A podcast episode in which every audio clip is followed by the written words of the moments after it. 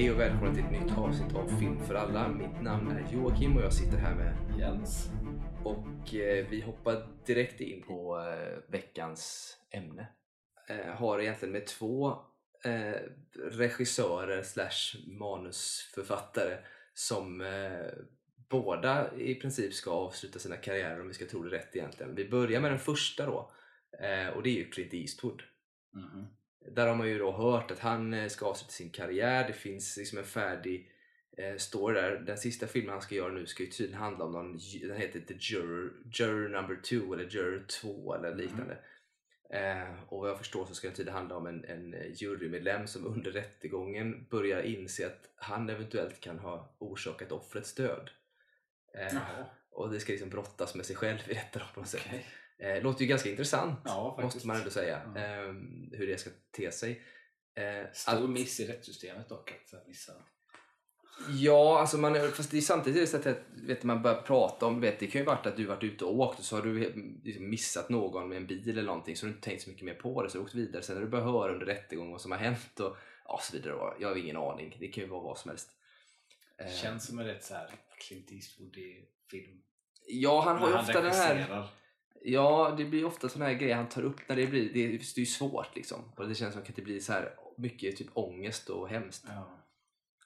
Mm, så att jag vet inte riktigt. Alltså jag eh, tycker att han är, alltså han är briljant både som skådis och som regissör. Ja. Eh, sen är han ju superrepublikan och det får man väl eh, får man väl Det vara. är väl eh, mycket med när han är född. Han är så pass gammal. Ja, lite så är det ju. Och samtidigt så vet vi, han har ju ändå stöttat Trump. Jag vet inte hur det ligger till i, daglä- i dagsläget så, men han har ju stöttat Trump. Samtidigt så har han ju gjort filmer som, eh, som han har så svårt att, att liksom köpa att han tänker eh, Trumpigt ändå. Som Gran Torino till Ja, jag, exempel. vet, och, jag tänker också på den.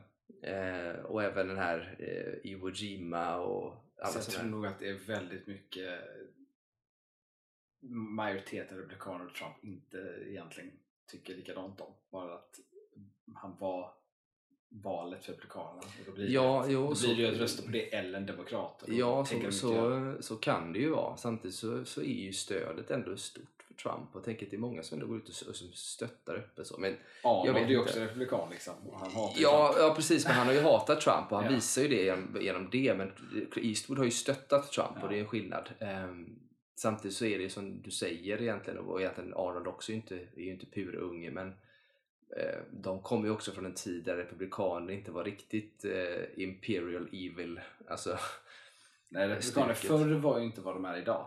Nej, och det ska man ju ändå ha med sig lite grann att om man tittar historiskt, alltså tittar vi långt tillbaka. Eh, Abraham Lincoln då till exempel var republikan. Eh, Eh, det är ju inte så många som kanske känner till eller tänker på det, men där, och det är så alltså kanske den kändaste och det är många av de här som man känner till som, som ändå bland de kanske bästa eh, presidenterna, eller vad man ska säga, har ju faktiskt varit republikaner. Så att, det har ju hänt, men det har hänt mycket sen, eh, ja, man kan väl säga att det sker successivt. Eh, men sen är det väl någon gång där kanske Reagan, lite Nixon och sen då efter George Bush den äldre någonstans så är det väl kanske där det börjar lite grann tippa över och blir balla ur lite. Ja. Eh, och sådär. Eh, sen är det alltid reaktion på motreaktion och nu ska vi inte bli en politikerpodd som ska prata om sånt men jag tänker också när då Obama kommer fram som eh, första mörka och Ja. kommer, så blir det alltid en motreaktion Ja. på någonting. Så funkar egentligen allt i världen. Att Ja. det går extremt åt ett håll så blir det extremt åt ett annat håll och så vidare. Då. Och det har ju orsakat i USA i den splittringen de är. Men oavsett, Clint Eastwood, men han, han som sagt gör sin sista film nu då, eh, om han hinner tänkte jag säga, hemskt. Alltså, han måste ju vara svingammal. Ja, han är 91. Ja. Vilket innebär att om han hinner. Ja, eh, då, eh, Alltså jag kan inte ens, alltså han, Clint Eastwood är en sån här regissör som jag liksom aldrig har koll på för att han kommer ut med filmer då och då. Jag har liksom aldrig någon koll på när de kommer eller vilka det är. nej, när de han, jag vet inte ens den senaste filmen han har gjort liksom, jag har ingen aning vilken det är. Nej, det kan man kolla upp. Vi kanske ska ha en sån Eastwood special Ja. framöver. Eh, det kan ni ju skriva om ni tycker att vi ska ha det eller inte. För det kan nog vara intressant. För man har nog ändå sett ganska många av dem. Det tror jag. Ja, Men man har nog inte gjort. tänkt på, på att det är Eastwood alltid kanske. Mm. Och sådär. Han jobbar lite det fördolda. Det får man ändå säga. Ja. Ehm, och sådär. Nej, men han är, han är ju en ändå cool snubbe. Liksom. Gran, Torino är ju en, en av mina toppfilmer ändå överlag. tycker den är så jävla bra. Ja, så att, bra. Eh, Jag tänkte, jag fick upp i huvudet nu som inte har med, med det att göra, men så tänkte på, jag tänkte på gamla skådisar. Ehm, och så fick jag, var det en sak jag reda på idag som jag inte hade vetat, vilket var helt förvånande att jag inte visste om det. Ehm, i, I Mandalorian, den är ju så himla så här västerninspirerad, speciellt säsong Mm. 1 liksom. mm, Men det är ju kul att en av dem som spelar Mandalorian, liksom, för det är ju sällan det är han, eh, vad heter han Pedro Pascal som är i dräkten. mm. Eh, men en av dem är ju, vad var det, om han var eh, s- son, son till John Wayne. Det tyckte jag var lite kul. Ja, det är lite att det är coolt. så också så här så tänker man så här gammal västernskådis Ja, släkting coolt. liksom. Ja, men det är lite coolt. Är Han, måste, ju- han tog ju säkert inspiration av sin, eh, sin släkting där till grejer kan jag tänka Ja, mig. gud ja. Och det är ju lite av sån här vad ska jag säga, snygg casting, en snygg detalj. Som man vet, som man, som man, när man gör den så vet man ju inte nödvändigtvis att det kommer komma ut. Nej. Men, men det blir ändå känslan på något Mm. sätt som, som på något sätt blir bättre när man gör så. Jag gillar ju när man gör sådär. Jag tycker att det är lite coolt. Ja, nej, 91 år. Vi får hoppas att han får göra klart den i alla fall. Eh, så att det blir gjort. Mm. Eh, Men den andra då, som vi pratar om då, som nu har ett färdigt manus på sin sista film och sitt Cinematic Universe då kan man säga, det är ju Quentin Tarantino Mm. som har gått ut och sagt det. Eh, Och man har, där vet man, man har ingen aning om vad det ska vara så vitt jag Mm. vet i den här filmen. Så vi får väl se vad den handlar om. Men eh, vad tror du, blir det hans sista? Han är ju något yngre än Quentin Nej, får man säga. Det tror, det tror jag inte. Något yngre. Alltså jag tror, alltså lite svårt också, det känns som Quentin Tarantino är också en sån här man av eh, liksom sitt ord. På ett sätt. Han, Ja, han, han är säger ju- vad han menar typ. Ja, och han och är säger han att det här är hans sista film så kan jag tänka mig att det är det han Att det är det hans han planerar. sista film. Ja, alltså det är det han planerar. Liksom så här, då är han klar. Men jag kan också tänka så här, om det kommer upp, alltså om det går, det går några år, han är lite rastlös, han har en ny idé och, och det är rätt enkelt för han kanske då får typ finansiering för den och sånt där. Eh, så kan jag tänka mig att han skulle komma tillbaka. Det är inte första gången det händer. Eller att han får ett erbjudande av någonting. Det har ju varit så mycket prat om typ Star Trek-film som han skulle regissera som han ville vara av. Som han verkar väldigt passionerad över. Skulle han få det tror jag säkert han skulle göra det. Eh, sen finns ju alltid TV. Mm. Eh, då har han ju ett litet loophole. Han kan gå in och göra TV istället för film. Mm. Och ändå hålla sitt ord. Mm. Och där har han ju också ryktats förut. Med Han har ju olika... varit i TV förut. Vad sa du? Han har ju gjort TV innan. Ja, ja, ja, visst. Men han har ju ryktats till massa nu, men han har ju inte riktigt velat ta tag i det ordentligt. Eh, så. Men det finns en del där som sagt. Eh, Star Trek har ryktats till, det har varit lite lösa rykten i Star Wars-världen också. Eh, han har, sen har han ju kritiserat Marvel och varit en del av den biten. Och Mm. tänker mig att det coolaste hade ju varit, vi pratade när vi pratade DC, en sväng där att var, var häftigt om man hade fått in regissörer som hade varit liksom, stora på riktigt. Och liksom få göra sin grej. Så. Alltså det hade ju varit intressant egentligen så här. Alla de här, det är ju ändå fler regissörer som gått ut och liksom ändå inte varit så jättepositiva till Marvel-filmerna. Ja, Det hade ju varit kul att här, man tog alla regissörerna som liksom ser ner lite på det och så bara får de göra en film i det här. Bara se vad som händer liksom. Mm. Ja, det hade varit coolt att se faktiskt. Eh, Jag tror många av dem hade dock nog, jag tror många av dem inte hade gillat processen. Quentin kan verkligen se att han hade inte gillat processen av att göra en Marvel-film. För att så som de producerar filmer Nej, är, är Nej, rätt och, och det, det kan man ju komma till och det är där jag menar med att DC skulle kunna vinna på att göra annat i det egentligen. Och låta då, de här största kritikerna är ju ändå då typ Tarantino men även då Scorsese som är i den. Eh, det, hade varit, det hade varit coolt att få se en variant av någon typ av superhjältefilm där, i just deras anda. Det hade varit eh, riktigt coolt. Jag kan också tänka mig att Quentin, han har säkert flertal alltså, eh, superhjältar han vill göra film om. Han är ju ändå mm, alltså, filmnörd, Och, se- Och serietidningsnörd, ja. liksom. ja, så är det. vilket inte kommer fram så ofta men eh, jag tror definitivt att det finns flera, flera filmer han, eller karaktärer han skulle vilja göra film om. Ja, det tror jag med. Jag tror att de, de karaktärerna är... eh, Det som han skulle vilja göra är nog såna lite mer obskyra karaktärer. Det är, han, det är nog inte de här stora, typ Batman, Superman, utan det är nog lite mer... Ja... Karaktärer som kanske Alltså, inte är av så någon kända. anledning så är det ju väldigt många, nu vet jag inte just Quentin, men jag läst, jag vet James Cameron, men sen har jag läst många andra både regissörer men även så här, alltså, manusfattare och andra så här, skådespelare och andra kända människor genom liksom, åren som så finns det alltid liksom en karaktär som dyker upp igen och det är Spiderman av någon jävla anledning. Det är så många som Mm. blir Spiderman. Mm.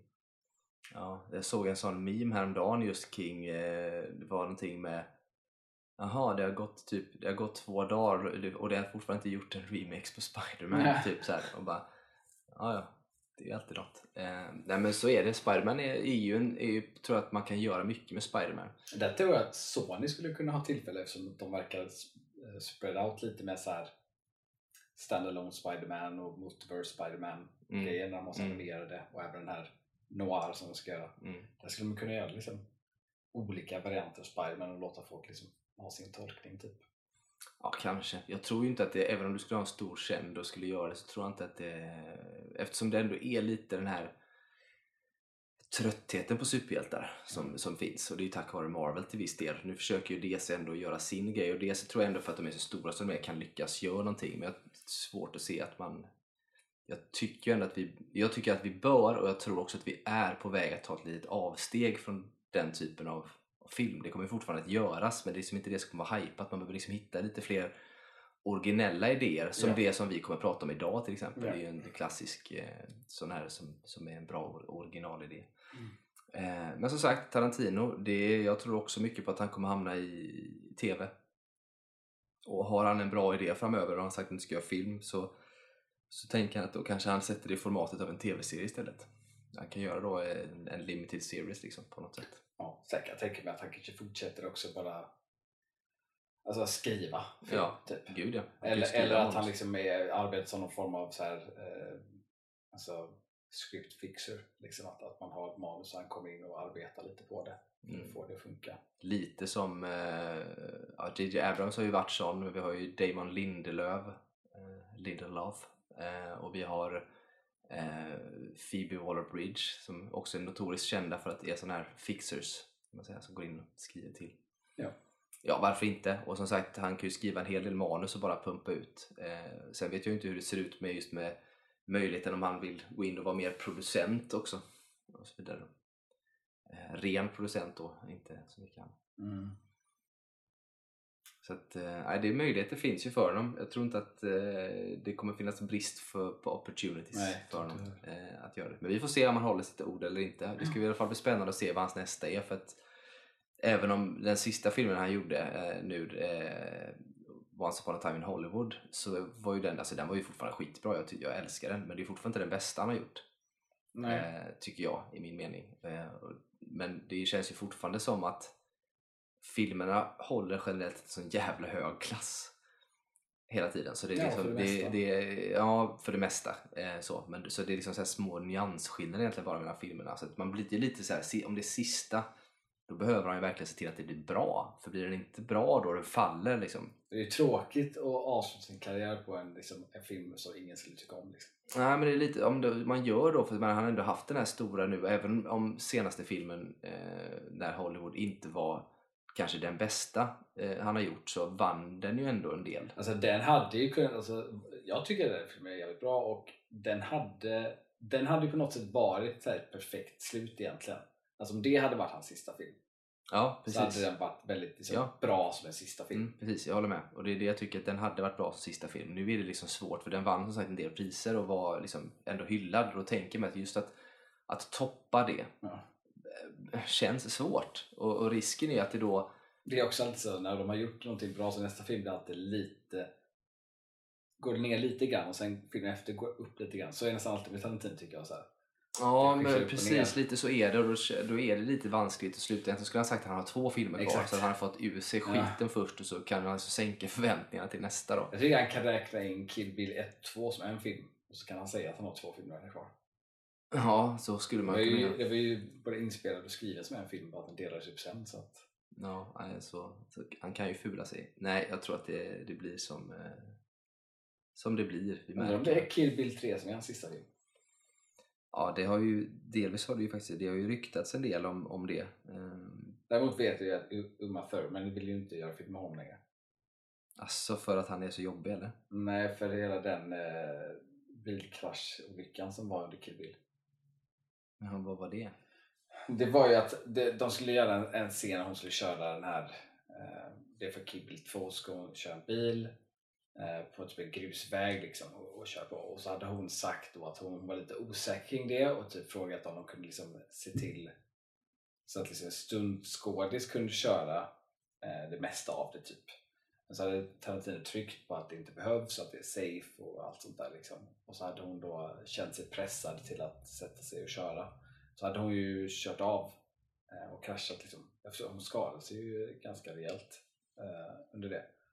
Eh, och vad jag fattade som när jag läst grejer sånt där är att hon är ju ja, hon är fortfarande rätt bitter över det och känner sig liksom hon gjorde något statement för några år sedan i samband med allt det här med metoo tror jag. Alltså Mm. det här, då var det liksom inte riktigt att han liksom gjort något sånt där utan bara det här att det liksom handlade om att känna sig tvingad till någonting. Ja, ja, men det är ju det, Ehm. det jag menar, tvingade av regissören. Liksom. Och att, eh, att hon var inte så nöjd med det. Sen vet inte jag om de pratat mer eller inte sen dess. Och typ om de kommit över det. Det var ju några år sedan jag läste detta.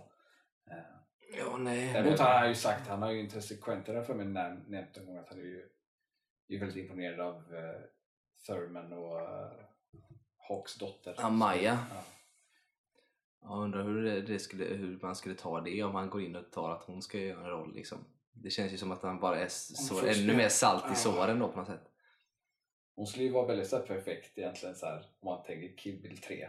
Så tänker man att det handlar om Prequel Eh, typ. Nej, det skulle kunna handla om hennes, hennes, Hennes dotter. dotter. Ja, liksom. det skulle du kunna och göra att Umans egna dotter spelar. Ja, nej, men det skulle Jag kan se göra. verkligen att hon skulle passa in så väl i en Tarantino-film också. Ja, gud ja. Nej, men det gör hon ju. Jag såg någon jämförelse bara häromdagen på eh, när de hade liksom satt dem sida vid sida i en liknande scen och så fick inte såg man och de är ju jävligt lika. Samtidigt så är de inte det är inte en exakt kopia, men de är jävligt lika. Så hon är så här, jag tycker Maja, hon är så himla... Som vissa är så här att när man ser en bild på henne och på hennes mamma så ser man så här, jävlar vad lika de är. Men ser man en bild på henne och hennes pappa så ser man jävlar vad lika de är. Mm. Så det är verkligen så här, det blir lite så här 50-50 blandning på något sätt. Jo men så är det ju. Sen så nu, med risk för att låta lite hemskt då, ser man en bild bredvid Ethan, med Ethan Hawke och eh, Uma Thurman bredvid varandra så blir man ju, tänker man också fan vad lika de är. De är inte helt olika, är vad det jag vill säga. Sådär. Eh, så att, eh, nej, vi får väl se vad, vad som händer där helt Ja. enkelt tänker jag. Eh, sen vet jag inte, en nyhet till som jag, vet om inte, som jag inte vet om vi pratat om eller inte. Jag vet att vi pratade om det lite löst om att vi trodde att det kunde bli så, men jag vet inte om vi har sagt att det är klart och det är ju det här med, med James Gunn som ska regissera Superman. Jag tror inte vi har sagt att det är klart. Nej, för det är det ju. Ja, Det, eh, och vi pratade ju om det i, i en podd och trodde väl ändå någonstans att det kommer att det lutar åt att han kommer ta den själv. Mm. Liksom. Eh, och det har han gjort då. Eh, efter, vad han, efter vad han själv säger många om och men. Han har liksom haft sin kollega där, Peter Safran som legat på honom kring detta som varit bara nej men det är lugnt. här." Och sen till slut så bara nej, okej jag tar det. Liksom. Jag vet inte riktigt vad jag tycker om det. Faktiskt, Nej, när jag har det, det. Det, det, har ju splittrat, alltså James Gunn har ju splittrat alla ändå men det har också splittrat lite ytterligare kan man säga i att folk inte riktigt är helt För jag har övertygade. lite kanske. så här, bara titta på vad James Gunn, liksom hans, vad han brukar göra. Så känns det så här, jag vet inte, Superman-film och karaktären, det känns inte så, så James Gunn. Och Nej. sen känns det också så här, på något sätt så vill jag typ att både han och Saffron, jag vill inte att de ska vara in, kanske involverade på den nivån egentligen. För att om han regisserar då kommer det vara svårt för honom att ha överblick över annat samtidigt. Alltså det, det är så jävla mastodontgrej att regissera en grej liksom. Mm. Eh, jag, egentligen vill jag bara att de får fokusera på att vara de här överhuvudena och liksom ha koll på allting som händer i det här nätet. Men, eh, ja, Mm. Ja, men, det, men de är ju ändå två tänker jag. Saffran Ja. kan ju stötta upp lite då och ändå ge det viktiga till, till, till Gunn där men jag vet inte, jag tänker lite som du också. Lite, jag tror inte att jag är så orolig för att det inte kommer hålla ihop och sådana saker men just hur, om man tittar på vad Gunn har gjort för filmer och vi kan ju titta bara alltså de se- senaste åren egentligen med Guardians of the Galaxy och Suicide Squad och sådär så är det ju en viss Alltså det det är ju otroligt, alltså Suicide Squad det är- kan man väl tycka vad man vill om, jag gillar inte den, du gillar den men men om man tittar på eh, Guardians till exempel så har ju den i mångt och mycket, det är ju liksom fina filmer, de är ju känslomässiga och allt möjligt och, men de har ju också en viss typ av humor i sig och det är ju för att det är Guardians. Frågan är om han hade liksom den humorn och det hade funnits kvar om det varit någonting annat men det är också typiskt honom att ha sån typ av ja, humor eh, och sätt att vara. Och jag har Alltså, svårt att se att det skulle ja. passa in i en Superman-film. Det som jag har lite så här, det som typ jag tänker på lite så här, men jag tror att det har lite med så här huvud. Därför att jag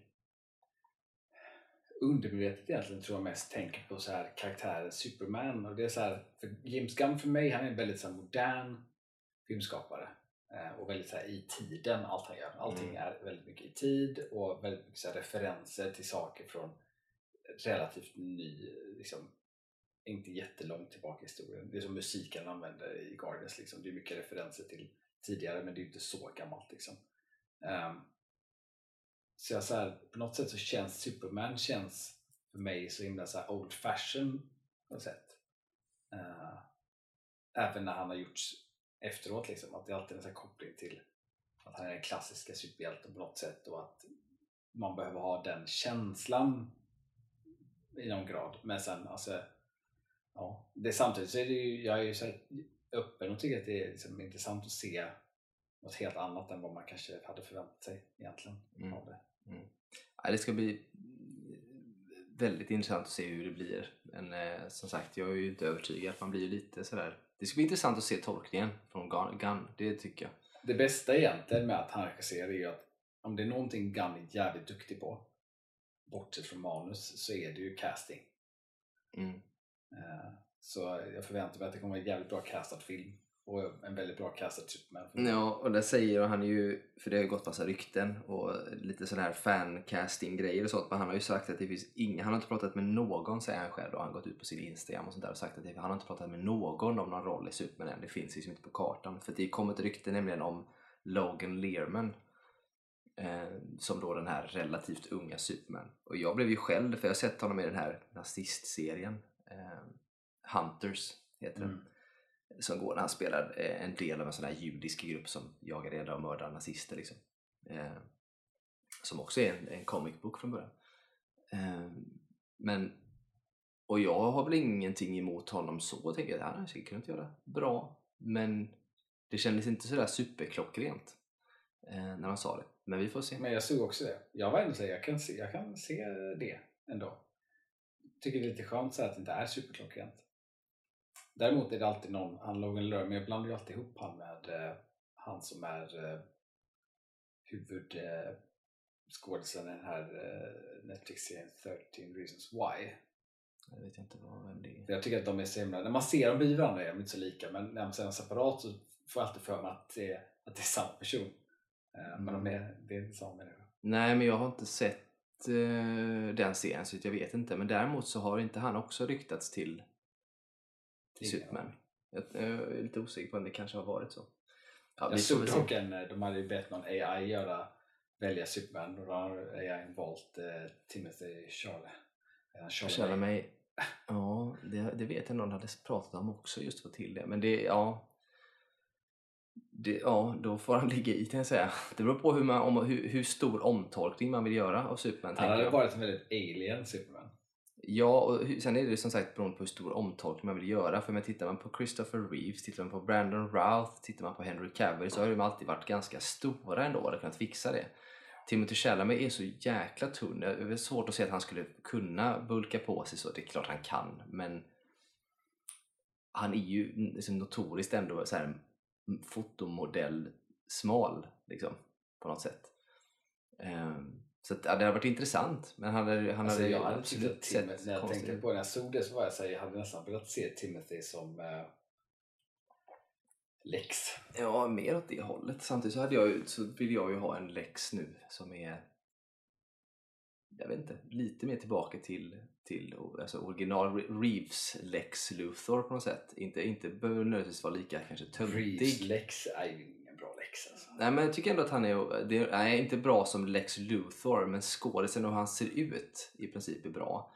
Eh, och att man gör det på det sättet. Alternativt bara att man har en som är lite äldre. För att den här unga varianten med, med han som spelas, vad heter han, Jesse Eisenberger Ja. som spelade sist tyckte jag funkade sådär. Jag hade ju gärna velat se en som är lite äldre kanske.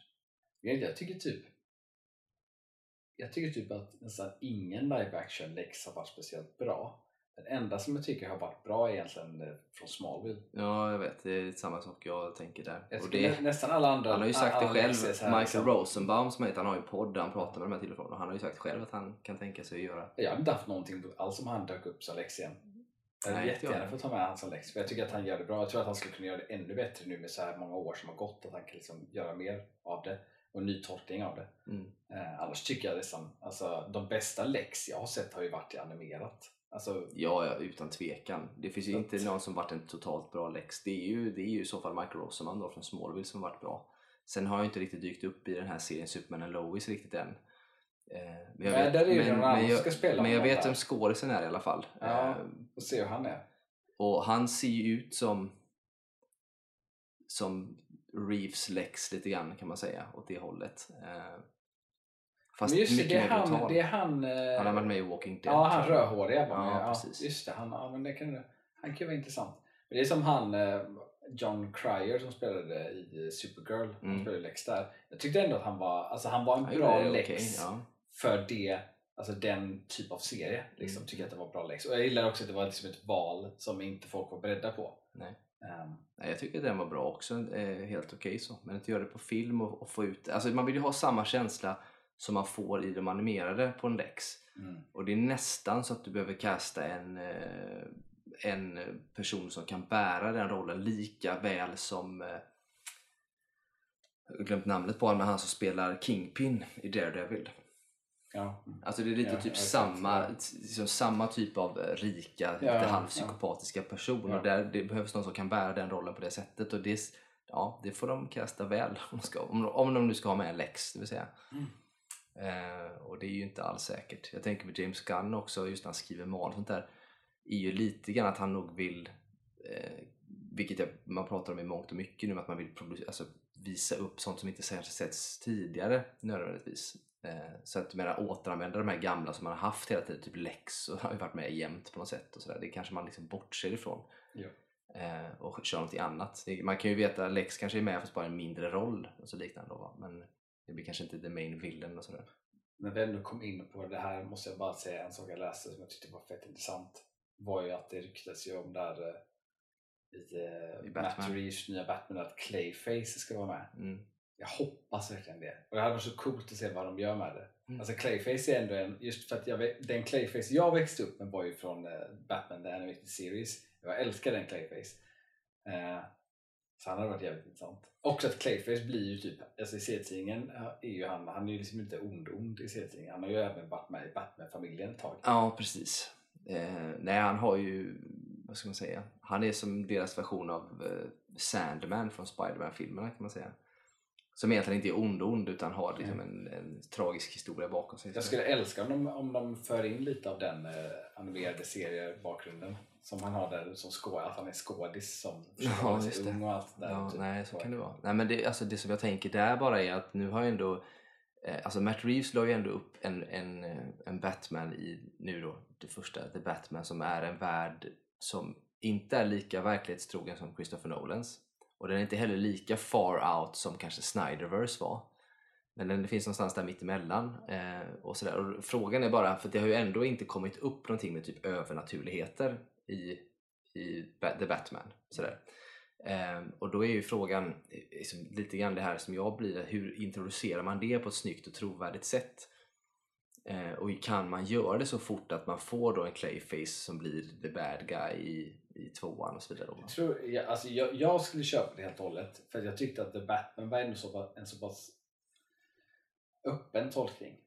Alltså jag tycker inte, det, det sätts inga, inga gränser när jag tittar på den filmen över vad den världen är än.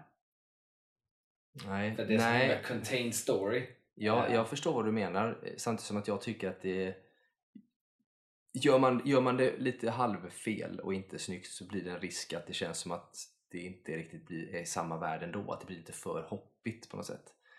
Det känns också som Clayface som karaktär känns som det kan låna sig så väl in till eh, detektivkänslan som första filmen. Liksom. Ja, ja, gud ja. Där finns jättemycket att ta av för att eh, Clayfish kan ju, alltså för de som inte vet, Clayfish kan ju dessutom alltså, se ut som Han kan alltså, se ut som alltså, han kan se ut som vem som helst och göra sig till och ha liksom sådana här proxy-varianter av sig själv så han kan liksom vara flera stycken samtidigt och så vidare. Då. Och just det här med att då bli ett detektivspel och just hitta så här Clay och vad är det Mm. och bla bla. Så det kan nog alltså, funka rätt väl. Men som sagt, man får göra det snyggt. Men där, jag ska säga att jag är inte orolig. Jag tycker att det är en svincool karaktär att ha med. Jag håller med dig att det är väldigt kul att se det. Och jag tror också att Matt Reeves är både tillräckligt eh, som Batman-fan och tillräckligt duktig för att lösa det. Ja. Så att jag är inte orolig. Jag såg ju dock någon sån här eh, någon digital artist som hade gjort en version på hur det skulle kunna se ut i Matt Reeves Mhm. universe och det såg ju jävligt bra ut. Eh, får jag säga. Det såg, sjukt, det såg ut att passa väldigt, väldigt väl till det universumet. Sen är ju frågan hur Reeves vill tolka en Clayface. Mm. Ehm, för att det går att göra det så att säga övernaturligt, eller övernaturligt, övernaturligt, forskning eller vad fan den kan vara då, på det sättet. Men man kan ju också göra det mer som ja, verklighetstroget. Så, som, ja, som Nolan gör med mycket. Liksom. Att, det blir Mm. typ, att det finns en förklaring på allting väldigt tydligt och sådär. Vilket jag tycker att man inte behöver ha. Och det tycker jag han gör så bra i första. Att man behöver inte få alla förklaringar på det. Reeves. Eh, men vi får se. Det, ja, det kan bli coolt. Ja.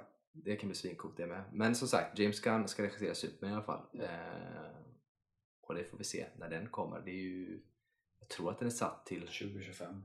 ja, Hösten precis. 2025. Ja, precis. Vilket är... Eh, man kan ju säga att det är dags att börja nu. Alltså det, det närmar sig kan man säga ganska rejält. Åh, herregud. De, de, de, borde, de behöver typ börja spela in filmen eh, Ja, i höst ja, senast. höst. Ja. Eh, så det. Så därför borde det vara, för manuset är ju färdigt. Ja. Och, egentligen, och då vet vi ju att i princip så börjar man ju ändå titta på vilka man skulle kunna casta och sånt. Så det bör hända saker ganska omgående. Ja. Eh, för det som sagt behöver ju spelas in. Risken är ju som jag ser att de kommer skjuta på det ytterligare. Eh, Mm. men det hoppas jag ju inte. Nej. De har ändå satt sin slate. Eh, Nej, för, ja, alltså problemet skjuter de på, det är det som är det studiga med de här Cinematic Universe Skjuter du på en film kommer vi att skjuta på typ massa. mm. Så man planerar in det. Ja, sätt. och där är ju krångligt att det blir så. Och jag tror inte att de vill börja så. Nej, Eh, så att jag tror att de försöker hålla det. Och då som sagt får de nog ligga på lite. Ja. Så, så vi får säkert se. Eh, sista, egentligen nyhet, men, ja jo det är det väl till viss del. Men sista grejen jag tänkte vi skulle ta var just det här med Marvel Cinematic Universe. Man pratar om just de här regissörerna och hur de jobbar. Det var ju en av eh, de här högsta huvudena som inte jag kommer ihåg vad hon heter nu som fick sparken nu för ett tag sedan. På Marvel. Ja, precis. På Marvel. Eh, jag kommer inte ihåg vad hon heter, men hon har ju varit en av de här som hjälpt typ Kevin Feige och så, bland annat och sådär Mm. och liksom hållit koll på grejer och sånt. Men hon eh, har ju nu då lite bittert gått ut och sagt eh, att man liksom så här, man, att varför ger man cred till regissörerna liksom egentligen? För det de, de gör inte filmerna, det är vi som gör filmerna Mm har de sagt då. Och det var ju sånt där, det är ju ingenting som man inte riktigt vet, alltså, eller som, som man inte vet sen innan. För att, det har man ju hört att många regissörer har ju sv- haft svårt att svälja, de har ändå haft folk som lämnat projekt och så vidare. Då, va?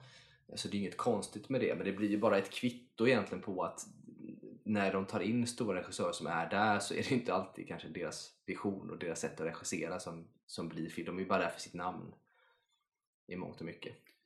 Ja, alltså det är ju mer Alltså det är mer, Marvel-systemet på något sätt är ju mer likt det gamla traditionella Hollywood-systemet som var alltså när, när Hollywood byggdes upp liksom.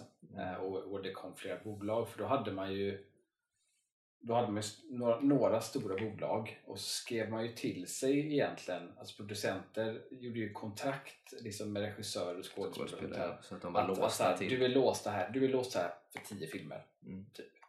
Och då gör du tio filmer där. Eh, så att du är bara där som liksom är en del i, i kugghjulet. Liksom. Och det var ju industrin länge eh, i Hollywood. Så att på det sättet är ju Marvel mer likt det.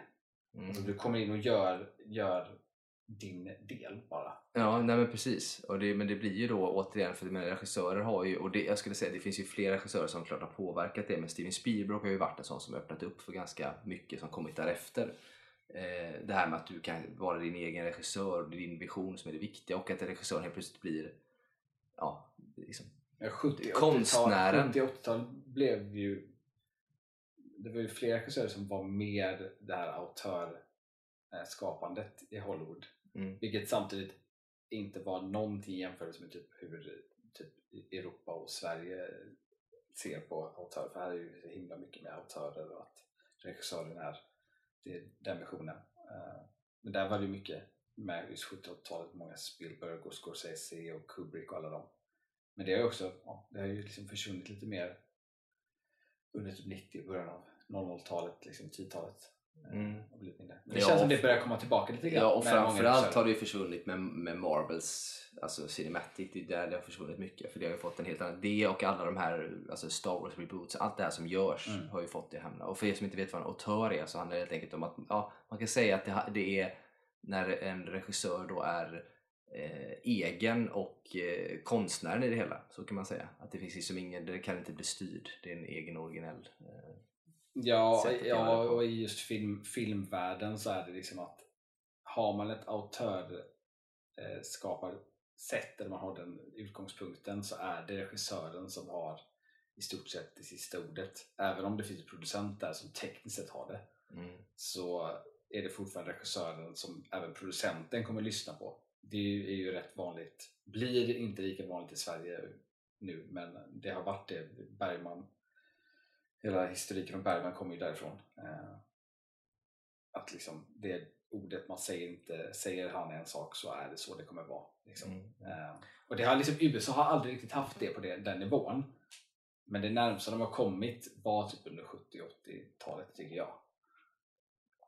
Ja, och där är ju faktiskt lite kul grej. Jag tror att det var jag tror att det var på den här nya eh, serien och jag inte hundra, jag tror att det, här, det ska göras en serie eh, i Alien, alltså Alien-serien eh, som ska komma.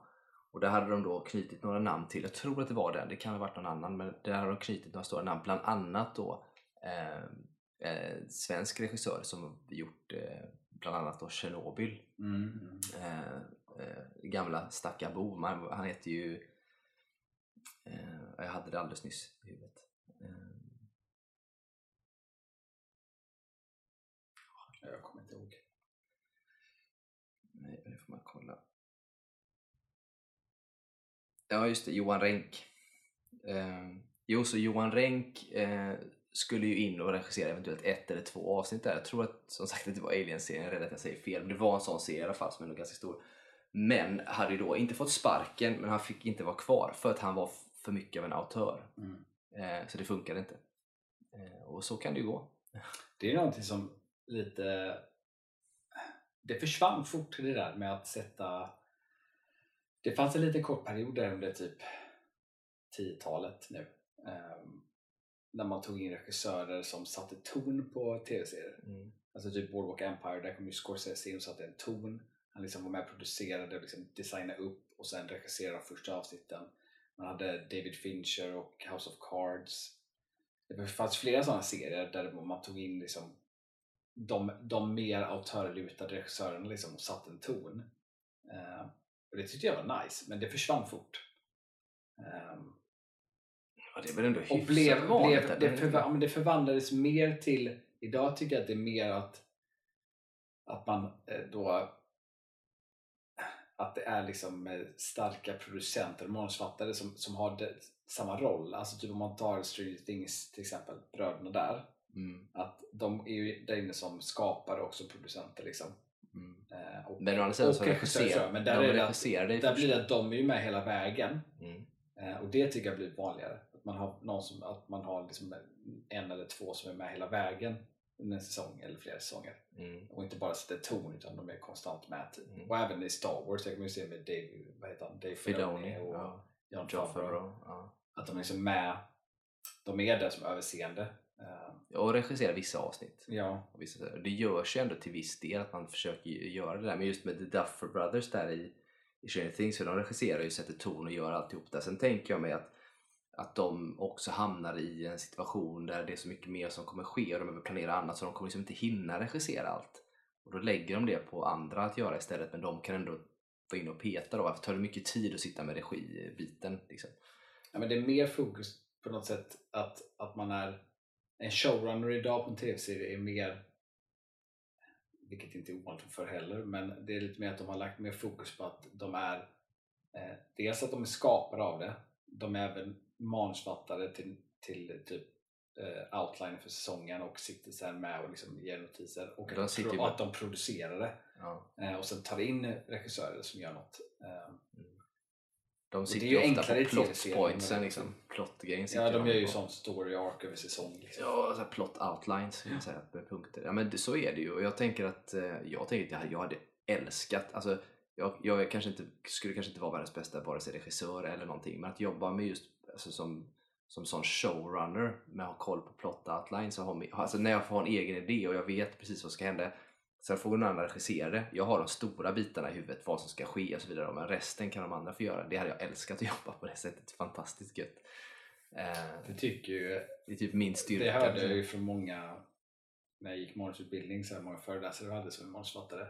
Att de tycker ju att det är en... eh, Majoriteten av dem tycker att det är väldigt frustrerande alltså att arbeta på det sättet, att komma in också som manusförfattare och typ skriva och sen lämna över det. För att det är så ofta, det är så mycket som är i flux Mm. när eh, manuset är gjort. Så är det när det väl är på inspelning, just när det gäller tv-serier, att det är så mycket som ändras på plats och saker som ja, pengarna gick inte till det så vi får ändra om det, den här scenen får liksom vara på den här location istället och så vidare. Och då sitter manusförfattarna där och bara, men jag hade en poäng med att det skulle vara på det sättet. Men den poängen försvinner liksom. Mm. Sen betyder inte det att, att det blir ett dåligt resultat. Det blir bara inte det resultatet manusförfattaren hade tänkt. Nej, så, att de blir, så- lite, ja. de, de, de blir lite trötta på det. Jo men det kan jag ju förstå. Men det, är därför jag tänkte komma till just John Favreau och Dave Filoni som ändå har de här. Dave Filoni är ju han är ju Star Wars gudfadern kan man säga. Du har ju George Lucas i sin tur som han är lite bortkopplad. Men Dave Filoni är ju den som han, han vet allt. Han är en sån uber Star Wars nörd och han är dessutom Han är Lukas ande. Ja precis och han är lite, jag tycker också att han är jävligt skicklig på att behålla en balans i fanservice och, Ja, ja. eh, och bara rent av bra saker. Det vill säga, och inte typ som om man då ska titta på JJ Abrams, vi tar ytterligheterna då. JJ Abrams det i princip bara fanservice Mm. och då Ryan Johnson som bara gör så att säga bra, och, så- alltså film egentligen. Dave Filoni har ju något sätt bra blandning av båda. Men i det med att han är showrunner tillsammans lite grann med John Favreau då på The Mandalorian och ja, egentligen de andra också ska man säga sen. Mm. Men eh, det jag tycker att de gör som är bra det är ju att de har ju idéer, de diskuterar det men att de då tar in regissörer som de tycker och de låter ofta regissörerna göra sin grej till stor del. Om man ska tro det Vad- som man vad ser. vi- vad det- vi vad vi vet. och det är ju inte säkert att vi får hela bilden men eftersom de ändå kommer från, framförallt John Favreau som kommer från den delen så tänker jag att det är ganska viktigt för honom att man låter dem göra det så att det märks att det är de som har regisserat avsnittet. Och jag tycker man märker det till exempel när Bryce Dallas Howard har varit inne och regisserat. Att det är hon som har gjort det. Det jag tror, vilket är kanske att där kanske Star Wars egentligen är unikt eftersom att det är det är så mycket fans av det, alltså inte bara publik utan även skapare eh, som är som fans av Star Wars. Det tror jag att, att Dave Filoni och John Favreau tjänar på att för regissörerna jag ser dem tar in och använder sig av är ju sådana stora fans av serien också. Mm. Eh, Så där tror jag inte heller man är lika... Jag tror inte man som regissör går in där och bara nu ska jag göra min grej liksom. Utan det är mer att nu ska jag göra, nu ska jag göra Star Wars. Hur kan jag göra detta så bra som möjligt? Liksom. Ja, gud ja. Istället för att bara säga nu ska jag göra det till min grej. Jag tror inte de har den ingången i det och det tror jag är väldigt unikt för Star Wars. Kan det vara. ja, men det kan vara. Nej men, jag, nej men så är det. Det tror jag nog att det är. Såklart man gör Star Wars, då är det ju så. Men till skillnad från då en autör som Ryan Johnson. Han hade ju inte i huvudet att Åh, jag ska göra Star Wars. Han skulle göra sin grej. Liksom. Så där smittar det ju inte av sig på det sättet, tycker jag då. Eh, vilket är synd. Men jag tycker ändå att det, de verkar ändå göra det på rätt sätt. Sen såklart att folk går in och är lite nördiga med det. Men det är som sagt det är Star Wars, det är så jävla stort så det är svårt Ja. att säga någonting om det. Eh, men det var ju det egentligen bara. Så att i alla fall Marvel de får inte den, det utrymmet de vill få som regissörer kanske. Ja, precis. Så det är mycket gnäll. Regissörerna, i, alltså det är mycket så problem i Marvel nu överhuvudtaget. Avslutande ord här då kring att det är delvis då det här med att det gått ut att, eh, att det i princip inte är regissörerna som gör det utan det är som producenterna som är bakom alltihop och det är en sak och det får ju kanske inte så många vilja hoppa på där. Det är ett problem de har. Sen har de problemet de har haft med sina VFX människor som sitter med visuella effekterna som liksom inte får tid och de är pressade och det har varit skit och allt möjligt då va. Plus nu då deras egna eh, strul med han Jonathan Majors då som eh, anklagas för misshandel som vi pratade om i förra Mm. eh, härom, eh, sistens. Ehm, Och han ska tydligen på något möte med de här Marvel Mm. Executives nu. Där de också sagt, ska jag säga, vilket är bra, att de gör inget, vill inte göra någonting förhastat. Nej. Det är bra. Men jag tänkte på hon som du nämnde där som hade fått sparken. Mm. Var hon en producent? Eller vad, Mm. vad, ja. Vet du vad hon hade sagt exakt? Liksom? Vad, vad hade hon sagt att hon tyckte liksom att regissören inte skulle ha cred? Eller vadå? Ja, hon hade gått ut och sagt någonting. Det var, jag kommer inte ihåg vilket sammanhang det var, men det, alltså det var något, om det var tweet eller vad fan det var, men det var någonting eh, så här, varför ges regissörerna cred? För det är typ vi som har gjort filmerna. Typ. eller. Okay. Ja, för det, det tycker jag låter som... Eh, ehm, jag, jag, kan, jag förstår hennes point of view i det. Hon fick sparken också. Så Ja, jag kan förstå hur hon tänker men det låter också som så ofta för att det kommer tider har, har jag sett liksom, som kommer då och då när regissörens eh, roll ifrågasätts lite grann i en film. Alltså det blir lite så här, vad är poängen med regissör typ? Och så är det så här, det är, man har ju producent och man har skådespelare liksom, och liksom, vad gör regissören ens? Liksom, typ. Men det är så ofta jag har läst om den saken då det är till exempel då manusfattare som har typ haft den åsikten, skådespelare som har haft den åsikten och producent som har haft den åsikten. Och sen har de ju då, de här individerna har då och då gått in och faktiskt då regisserat någonting själv och försökt ta sig in på den banan liksom. Och sen insett hur svårt och jobbigt det är.